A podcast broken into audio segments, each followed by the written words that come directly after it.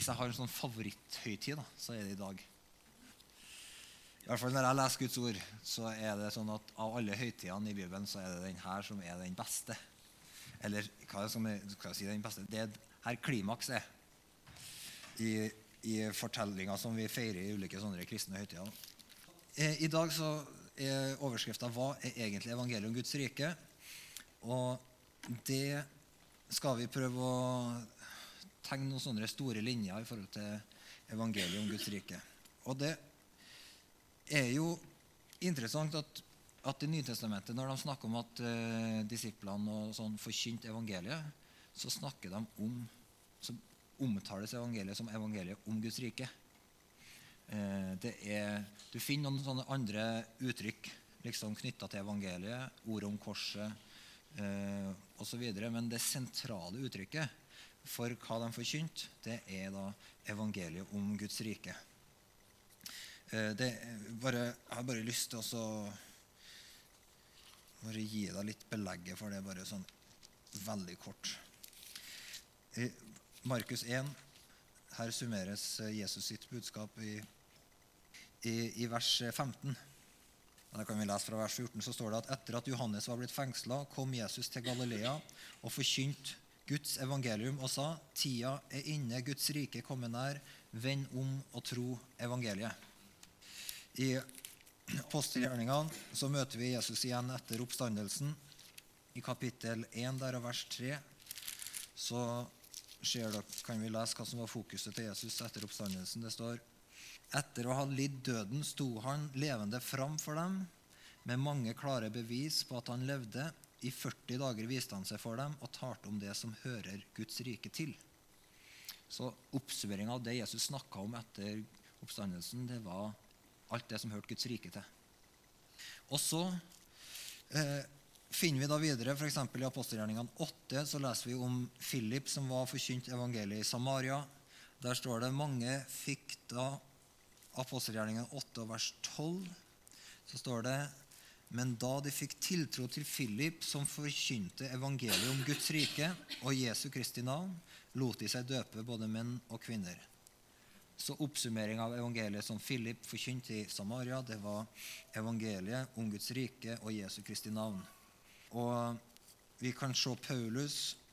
Oppsummeringa av hans forkynnelse finner vi i apostelgjerningene 28,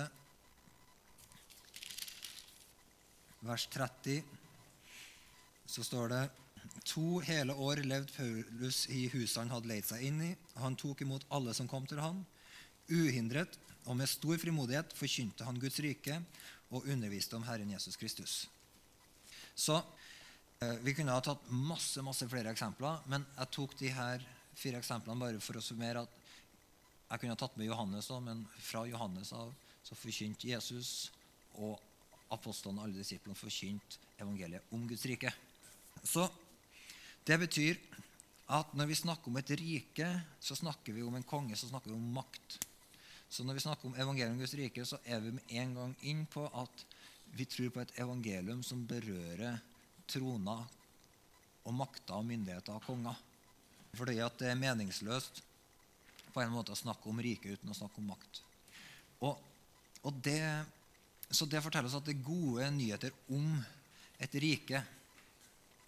Og Jesus han sier at det her, vend om, for det her riket har kommet nært. Så det er gode nyheter om at Guds makt, Guds rike, Guds styre har kommet nært. Så det innebærer at hvis det er gode nyheter, at Guds makt, Guds rike, Guds trone har kommet nært, så må det bety at eh, eh, det har vært et fravær av Guds styre fram til den dagen på et eller annet nivå. Ok? Det betyr ikke at Gud liksom opp gjennom historien var uten makt. Sant? Det betyr jo at Gud på et eller annet tidspunkt i et tidsløp i historien var avkledd sin makt, styrke, trone, herlighet. Det kan det ikke bety. Det må bety noe annet. Eh, fordi, eh, det her, eh, fordi Gud har skapt alt. Eh, hans trone står fast til evig tid. Han styrer himmel og jord. Så, så når vi når Jesus kommer og sier at Guds rike har kommet nært, så må det ha vært noe annet folk hørt enn at på en måte Gud har kommet tilbake på tronen. liksom. Gud har alltid sittet på tronen. Ingen kan vippe Gud ned av tronen. Så, så folk må ha hørt noen ting. Når Jesus sa de her tingene, og når eh, Philip sa det, og Paulus sa det, så må det ha, det må ha vært et bakteppe som de hørte det her inn i og forsto det i lys av. Hva var det? Hva var de her gode nyhetene om at riket var kommet nært, Guds trone var kommet nært? Så før vi går liksom inn i pinsedag eh, og ser på det, så har jeg lyst til å bare touche så vidt innom den eh, historien. Hva var bakteppet som gjorde Hei, nå har riket kommet. Hva var det som gjorde at det var veldig gode nyheter? Så vi skal ta et lite sveip inn i, inn i skapelsen.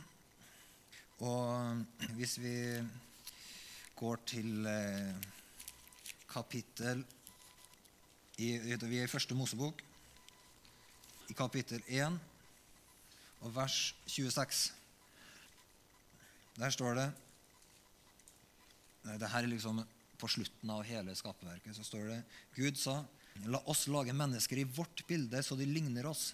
De skal råde over fiskene i havet og fuglene under himmelen, over feet og alle ville dyr, og alt krypet som det kryr av på jorden. Og Gud skapte mennesket i sitt bilde. I Guds bilde skapte han det. Som mann og kvinne skapte han dem.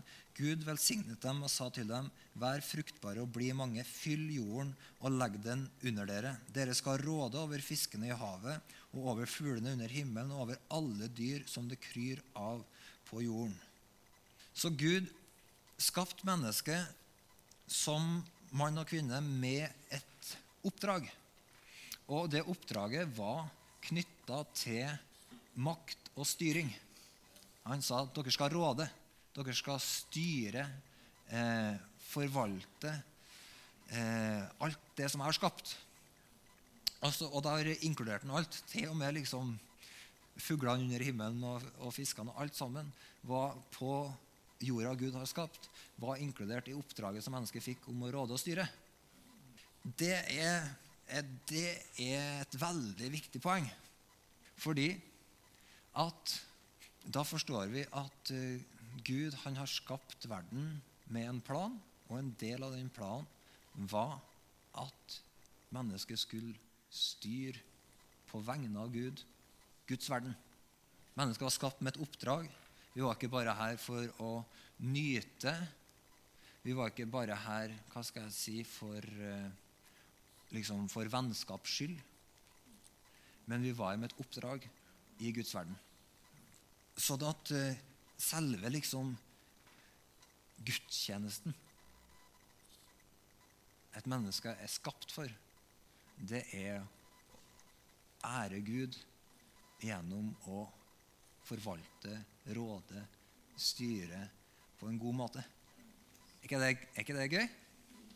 Når du eh, Vet du, i, i går så holdt jeg på å skrape, og Katrine holdt på å male et eh, verandagelender. Det er en gudstjeneste. Vi er frelst til å gjøre sånne ting. Så tenker vi, ja, Mener du det seriøst? Ja, jeg mener det helt seriøst. Det er tilbedelse. Fordi Gud har skapt jorda. Han har gitt oss et oppdrag. Han har satt oss på den og sagt hei, råd over den. Styr her. Og så er responsen vår, takken, æren til Jesus, det er å faktisk strekke seg ut og ta vare på alt det Gud har gitt oss.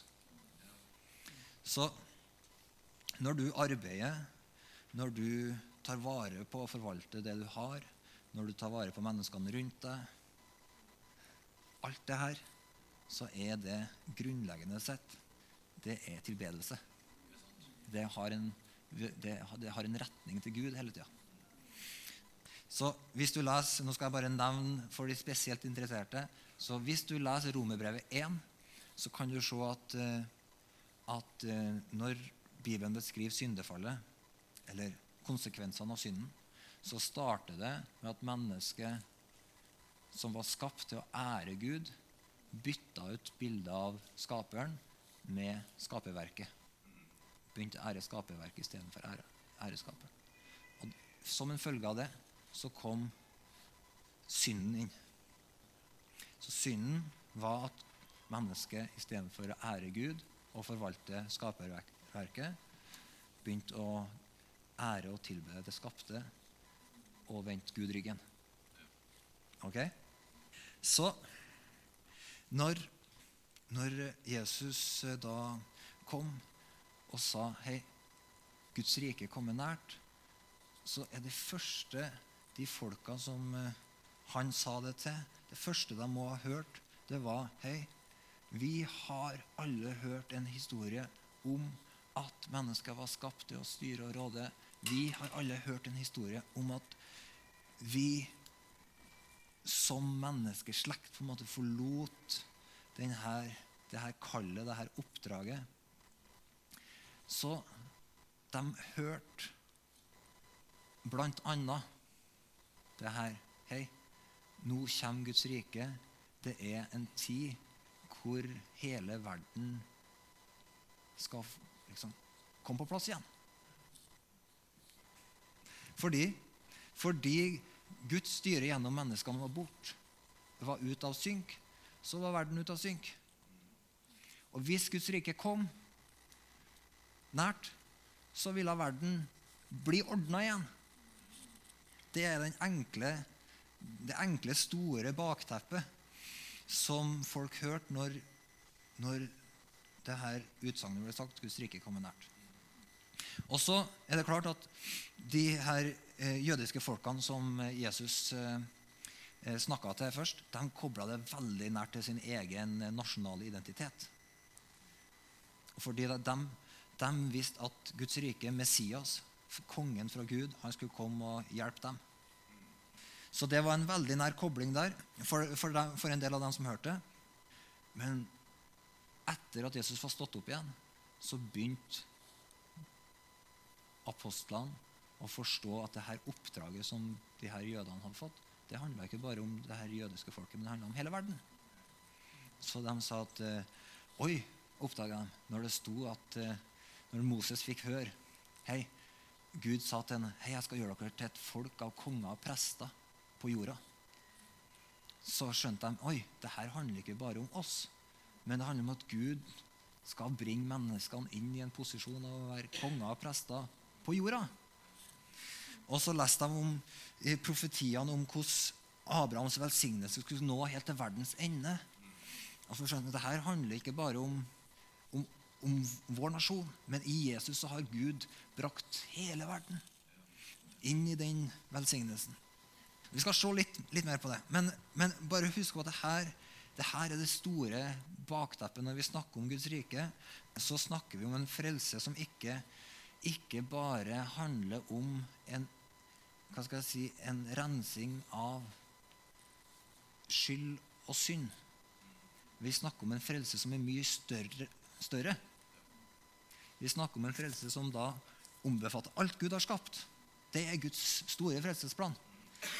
Og som gjør at det er veldig, veldig gøy å være disippel. Fordi at disipler heller ikke på bare med sånne kristne ting. Men disipler holder på med alt Gud har skapt, og syns det er gøy.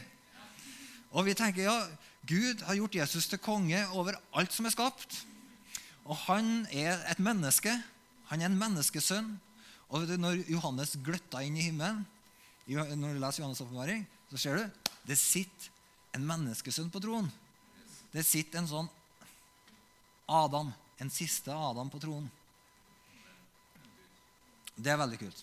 Det betyr at Jesus han er konge i himmel og på jord. Og alt det som angår jorda, som er bra, det vil Jesus. Jesus er opptatt av jorda. Han vil at det skal være bra her.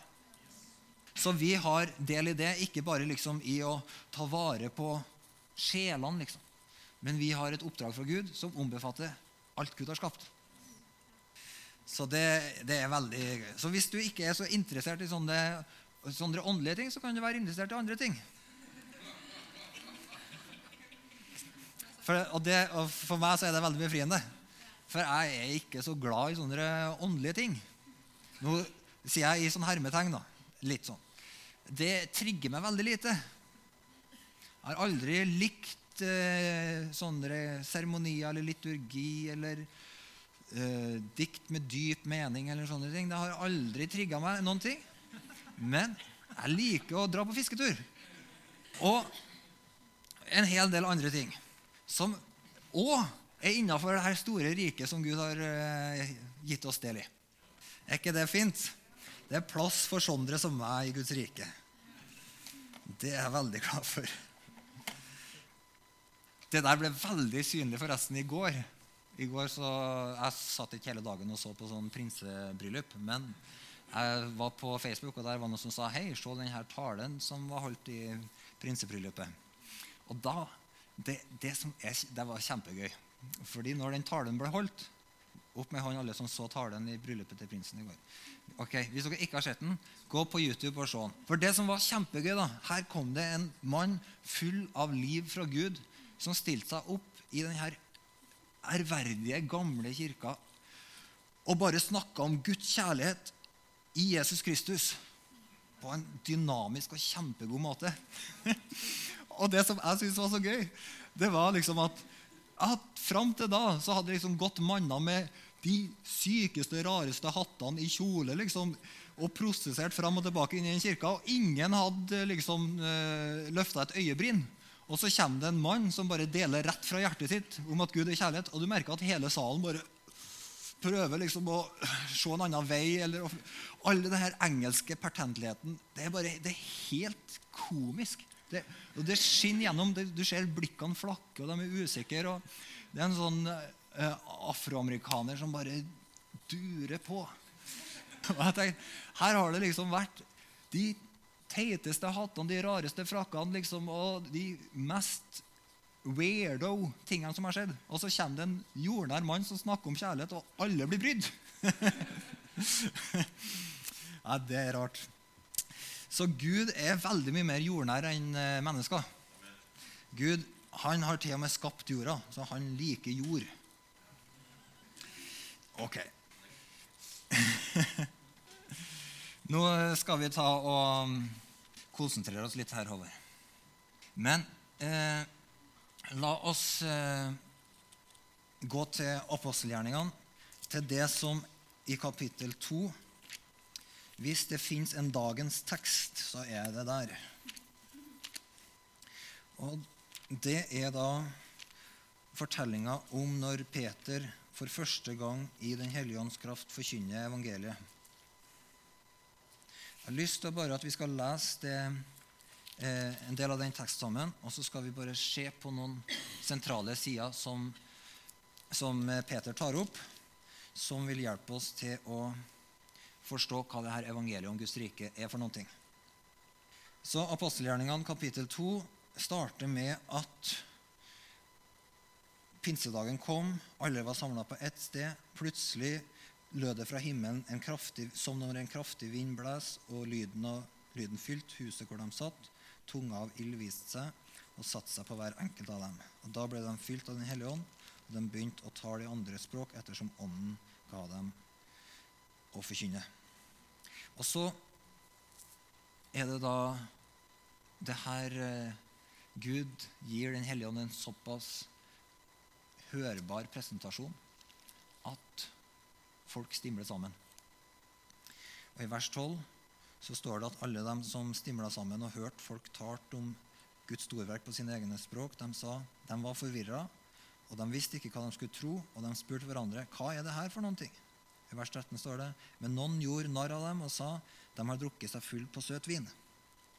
Og da steg Peter fram sammen med de elleve. Han heva stemmen og tar til dem. Nå skal vi ta og lese sammen det Peter sa på pinsedag. Jødiske menn og alle som bor i Jerusalem, merk dere hva jeg sier, og lytt nøye til mine ord. Disse menneskene er ikke full slik dere tror. Det er jo bare den tredje time på dagen. Men her skjer det som er sagt gjennom profeten Joel. I de siste dager skal det skje, sier Gud, at jeg øser ut min ånd over alle mennesker. Deres sønner og døtre skal profetere, de unge skal se syn, og de gamle skal drømme drømmer. Selv over mine slaver og slavekvinner vil jeg i de dager øse ut min ånd, og de skal tale profetisk. Jeg setter varsler oppe på himmelen og tegn nede på jorden, blod og ild og røykskyer. Solen skal forandres til mørke og månen til blod før Herrens dag kommer, den store og strålende. Men hver den som påkaller Herrens navn, skal bli frelst. Israelitter, hør disse ord. Jesus fra Nasaret var en mann som Gud pekte ut for dere, med mektige gjerninger og under og tegn som Gud lot han gjøre blant dere. Alt dette kjenner dere til. Han ble utlevert til dere slik Gud på forhånd hadde bestemt og kjente til, og ved lovløses hånd naglet dere han til korset og drepte han. Men Gud reiste han eh, opp og løste han fra dødens rier. Døden var ikke sterk nok til å holde han fast. For David sier om han, alltid har jeg Herren for mine øyne, for han er ved min høyre side, jeg skal ikke vakle. Derfor gledet mitt hjerte seg, og min tunge jublet, og selv kroppen skal slå seg til ro med håp. For du skal ikke forlate min sjel i dødsriket, og ikke la din hellige se forråtnelse. Du har lært meg å kjenne livets veier, og du skal fylle meg med glede for ditt ansikt. Brødre, la meg tale fritt og åpent til dere om vår stamfar David. Han døde og ble gravlagt, og den dag i dag har vi grava hans hos oss. Men han var en profet og visste at Gud med ed hadde lova å sette hans livsfrukt på hans trone. Derfor så han inn i framtida og talte om at Messias skulle stå opp. Og det var han som ikke skulle bli værende i dødsriket, og det var hans kropp som ikke skulle se forråtnelse. Denne Jesus har Gud reist opp, det er vi alle vitner om. Han ble opphøyd til Guds høyre hånd og mottok fra sin far Den hellige ånd, som var lova oss og den har han nå øst ut, slik dere ser og hører. For David for ikke opp til himmelen. Han sier jo selv, Herren sa til min herre, sett deg ved min høyre hånd, til jeg får lagt dine fiender som skammel for dine føtter. Så skal hele Israels folk vite forvisst, den her Jesus som dere korsfesta, han har Gud gjort til både Herre og Messias. Da de hørte det her, stakk det dem i hjertet og de sa til Peter og de andre apostlene, 'Hva skal vi gjøre, brødre?' Peter svarte dem, 'Vend om og la dere døpe i Herren Jesu Kristi navn, hver og en av dere, så dere kan få tilgivelse for syndene, og dere skal få Den hellige ånds gave.' For løftet gjelder dere og barna deres og alle som er langt borte, så mange som Herren vår Gud kaller på. Så her er Peter sin tale. Og hele talen til Peter er en respons der han sier egentlig så stiller han seg fram og så forklarer han hva er det som skjer her. Og så begynner han å forklare det. Så han sier det dere ser og hører her, har en forklaring. Det første forklaringa han griper til, det er at det som skjer i det sine vers 16, her skjer det som er sagt gjennom profeten Joel. Ok? Så han sier det dere ser og hører, det er oppfyllelsen av det profeten Joel sa. Og så sier han det profeten Joel sa, det var at i de siste dager skal det skje, sier Gud. Så det første du bare kan legge merke til bak øret, sånn, det er at Peter sa at det som skjedde her nå, det var starten på de siste dager. Ok? Og så sier han de siste dager skal det skje at, at jeg øser ut min ånd over alle mennesker. Så det var det som skjedde, ifølge Joel. Og så sier han eh, hvordan her, den utøvelsen av Den hellige ånd skulle komme til uttrykk gjennom at folk skulle profetere, ha drømmer. Eh, og, og, så sier han i vers 19.: Jeg setter varsler opp på himmelen og tegn ned på jorda. Blod og ild og røykskyer. Sola skal bli forvandla til mørke og månen til blod før Herrens dag kommer den store og strålende. Så han sier at profeten Joel han sa at akkurat nå, på den samme dagen som ånden skulle rennes ut, så skulle òg sola bli forandra til mørke og månen til blod. Så jeg tipper da at en del av dem som hørte det, de tenkte ja, det er det jo mange av profetene som har snakka om. At det er sånne ulike tider i historien hvor sola blir mørke og månen blir blod. Og det er egentlig bare profetene sin måte å si at nå skjer det noen ting i himmelen som gjør at makta endrer seg. For helt fra skapelsen av det første som blir skapt av Gud, det står det at Gud satte sola til å råde om, over dagen og månen til å råde over natta. Så alle som leste de her tekstene i første Mosebok, de visste Gud styrer jorda gjennom, eller fra himmelen. Og måten han styrer det på, det er gjennom sola og gjennom månen. De styrer over dagen, og månen styrer over natta. Så de visste når her tingene endrer seg, da er det noe styring i himmelen som endrer seg. Ok? Så, sånn at eh, Profeten Joel sa at det er ikke bare sånn at det øses ut en ånd på jorda, Guds ånd på jorda, men det skjer òg en endring på denne dagen av styringa i det himmelske. Og Peter, Du skal se hvordan Peter da forklarer det her mer etter hvert. Og så sier han, og, så, og det her skal skje før Herrens dag kommer, men hver den som påkaller Herrens navn, skal bli frelst. Så det er tre ting. Ånden rennes ut, styringa i det himmelske endrer seg, og påkallinga av Herrens navn til frelse er satt i gang. Og så sier han Israelitter, hør de her ordene. Jesus fra Nasaret var en mann som Gud pekte ut for dere med mektige gjerninger og under og tegn som Gud lot han gjøre blant dere. Bare lyst til at Vi, skal, vi må stoppe med noen av de tingene som Peter nevner her. Bare stopp kort ved det òg. Gud pekte ut Jesus. Han highlighta han. Han satte Jesus i spotlighten gjennom mektige gjerninger og under og tegn som Gud lot han gjøre. Så det betyr at de tingene som Jesus gjorde, var fra Gud et tegn for alle rundt om at det her, han her, mannen fra Nasaret, han, han er en konge. Han har makt. Så når Jesus gikk på vannet, når Jesus eh, gjorde brødhundre, så, så, skulle det fortelle noen ting. De her tegnene sa noen ting om Jesus. Ikke, de tegnene sa ikke bare 'Hei, folkens, her er en, her, han her må dere høre på'. Men tegnene talte 'Hei, han som står med føttene sine på vannet og råder over det'. Han som kan ta litt brød og litt fisk, mette 5000, ha mer til overs. Det, her snakker vi om makt. Her snakker vi om kongsstyret. Så Gud, så når du leser de her tegnene og underne som Jesus gjorde, så kan du òg tenke Hei, hva forteller de meg om Jesus sin kongsmakt?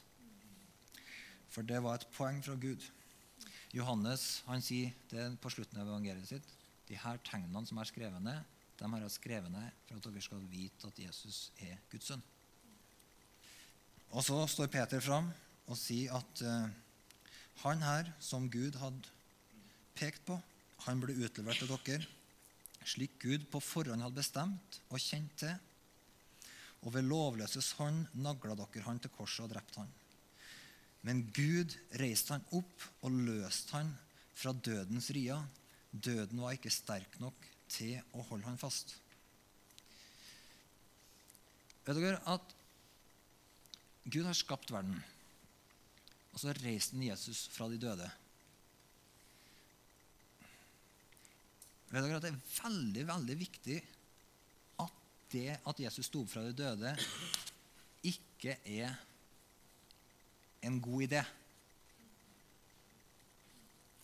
Fordi at Jesus sto opp fra de døde, det er på en måte grensesprengende. Men Bibelen insisterer på at det faktisk skjedde. Og Bibelen bruker, Bibelen sine forfattere bruker masse tid på, på ren sånn dokumentasjon av at Jesus sto opp fra de døde. Øyenvitneskildringer. Så hvis du f.eks. skal finne ut hva skjedde i ulike historiske begivenheter tilbake i tid, er det eneste vi egentlig har å stole på, det er øyenvitneskildringene. De som var der, som kunne si hva som skjedde. Og Bibelen bruker masse tid i Nytestamentet på å skrive ned de ulike folkene som møtte Jesus etter oppstandelsen, sine fortellinger. Det er fordi at hvis ikke Jesus sto opp fra de døde, da har ikke Guds rike seira. Hvis ikke Jesus sto opp fra de døde, så har vi ikke noe håp. Hvis ikke Jesus sto opp fra de døde, da kan vi bare spise og drikke, for i morgen dør vi, sier Paulus i 1. kor 15. Så, sånn at uh, det er et kjempeviktig poeng, i, i, eller det er et avgjørende poeng, at Jesus faktisk med kroppen sin overvant døden. Det, bare, det, kom ikke bare et spøkelse opp av grava liksom, som skal flakke rundt i himmelen. Nei, nei, nei. Når kvinnene kom til grava og kikka inn, så var ikke kroppen der. Kroppen til Jesus var blitt levendegjort. Den var blitt oppreist. Den var Den har fått del i oppstandelsesliv. Og det står døden kunne ikke holde fast. Eh, og, og det betyr at eh, det evangeliet vi tror på, det sprenger på en måte så sprenger det all forstand.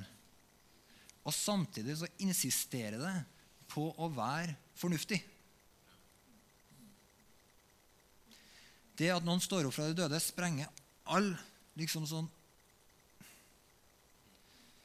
menneskelig fornuft. Fordi at alle, Vi er så vant til å se at alle som dør, blir værende i grava. Plutselig så kom det en som døde, havna i grava, og så klarte ikke døden å holde den fast. Det sprenger all fornuft. Men samtidig så insisterer det evangeliet om at Jesus sto fra de døde. Det insisterer på at vi skal forholde oss til det som en historisk fakta. Det er noe som faktisk skjedde. Grava var faktisk helt tom. De møtte Jesus. og så så gikk de gjennom en hel del bevis. Jesus møtte dem. De kunne legge håndene, hendene sine i såret hans. Jesus spiste fisk. Ingen spøkelser spiser fisk. Det er i hvert fall det jeg leste når jeg leste den teksten. For de lurte på om det var et spøkelse. de så. Og så sier Jesus 'kom med litt fisk'. Akkurat som om spøkelser ikke spiser fisk. liksom. så hvis du noen gang er i tvil om du møter et spøkelse, dra fram en makrell. liksom. Se om de spiser det. Hvis de spiser det, så er det ikke spøkelse. Men, men det var en del sånne eh, altså Disiplene skrev ned alle disse skildringene. På et tidspunkt var det 500 som så Jesus på én gang etter oppstandelsen. 500 mennesker. Du, når du skriver ned det, du sånn, eh, hvis du er sånn historisk forfatter og skriver ned det, og så publiserer det, da vet du at det går an å finne ut om det var om det stemte. Du kan ikke gjemme bort 500 øyenvitner på en gang. liksom. Det kan du spore opp. De her Tekstene om Jesu oppstandelse er ikke skrevet så lenge etter. De insisterer på å være historisk sann. Det var en dag i historien. En morgen, en antageligvis en søndagsmorgen, hvem vet. Så sto Jesus opp. Og Folk sjekka det opp, folk møtte han, folk snakka med en disiplene var sammen med han. I 40 dager så viste han seg for dem og talte med dem. Og Det er et kjempeviktig poeng. Fordi at sjøl om det sprenger vår menneskelige fornuft, så er det fortsatt troverdig. Det fant sted i historien vår. Vet du, Guds rike utfordrer oss i de tingene her. Fordi Guds rike handler om at Jesus lever i dag. Evangeliet om Guds rike handler ikke om at Jesus sto opp og ble på en måte en mytisk skikkelse i himmelen. Nei, Evangeliets rike handler om at Jesus sto opp fra grava og lever i dag. Og vitnesbyrdet til disiplene er vi har møtt han. Og det er, har vært det kristne vitnesbyrdet hele tida. Ikke bare de første liksom, dagene etter Jesu oppstandelse, men så plutselig så kom liksom, etter oppstandelsen, når Jesus hadde dratt til himmelen Etter det så kom Paulus og sa hei, jeg har møtt Jesus, jeg òg. Han møtte han lenge etter pinsedag. Og så sa han jeg har møtt Jesus på veien til Damaskus. Og mange andre kan fortelle. Jeg kan si det vitnesbyrdet. Hei, jeg har møtt Jesus. Hvordan vet jeg at han sto opp fra grava? Ja, jeg har møtt han. Han lever. Hvordan vet du at han lever? Du, jeg har fellesskap med han. Vet du, han jeg, vet du, jeg drikker, Jesus sa at det skulle komme en kilde med levende vann som han skulle gi til alle som tror. Jeg drikker den kilden hver dag. Jeg vet at han lever. Han, jeg har bedt i hans navn. Nå har jeg bedt i hans navn i mange år. Og han, han svarer trofast på bønnene mine. Jeg vet at han lever. Jesus lever fordi jeg har møtt ham. Det er evangeliet om Guds rike. Guds rike, Evangeliet er ikke en fortelling om en Jesus som døde, og så ferdig med det, men det er evangeliet om Jesus som lever i dag. Så Derfor så sier bl.a. evangelistene at eh, når, når eh, disiplene begynte å gå ut og forkynne evangeliet, så gikk Herren sjøl med og stadfesta det med de tegn og under som fulgte. Nå skal du høre her. I vers 19 står det Etter at Jesus hadde talt med dem, ble han tatt opp til himmelen og satt seg ved Guds høyre hånd. Men de gikk ut og forkynte overalt, og Herren virka med og stadfesta ordet gjennom de tegn som fulgte. Markus 16, 19-20. Så det betyr at det var ikke sånn at Jesus ble reist opp fra de døde, satte seg i himmelen som majestet og konge og ble passiv. Nei. Det var sånn at Han aktivt stadfesta det ordet som disiplene forkynte på jorda. Stadfesta Jesus aktivt med tegn og under. Og det er, Når du leser apostelgjerningene og brevene, så er det gjennomsyra av det her at Jesus er aktivt til stede. Han er der. Han er med. Så oppstandelsesvitnesbyrdet handler ikke bare om at du trenger å overbevise folk ut fra de her øyenvitneskildringene i skriftene om at Jesus sto fra de døde. Men du har mange ekstra vitnesbyrd. For her i rommet her så har vi masse vitnesbyrd om at Jesus lever. Det er den samme oppstandelsen vi vitner om, som de vitner om. Ok? Men det gjør òg at når vi forkynner evangeliet om Guds rike, så må vi alltid ha med at han som sitter på tronen og har all makt, har sagt Se, jeg er med dere alle dager inntil verdens ende. Det betyr alltid når vi forkynner evangeliet om Guds rike, så er vi, fordi vi forkynner det evangeliet, så er vi forplikta til å tro at Gud er med, stadfester det, griper inn med sin makt. Så hvis du tror at Jesus sto opp fra de døde, så tror du òg at Jesus er med deg og stadfester evangeliet med sin kraft. Som betyr at vi veldig frimodig legger hendene på mennesker, formidler Guds kraft, forventer at Gud kommer. Og på samme måte som han gjorde når Jesus gikk på jorda, så forventer jeg at han skal stadfeste, peke ut Jesus for mennesker gjennom tegn og under og mektige gjerninger. Ok? Ahai. Da skal jeg ta oss og gå inn for en uh, kjapp landing her. Det som jeg bare har lyst til å, å si, basert på apostelgjerningene som vi starta i kapittel 2 her, det er at evangeliet om Guds rike handler om at denne styringa av jorda har kommet i orden igjen. Og når Peter sto fram på pinsedag, så sier han i kapittel 2 i apostelgjerningene og vers 32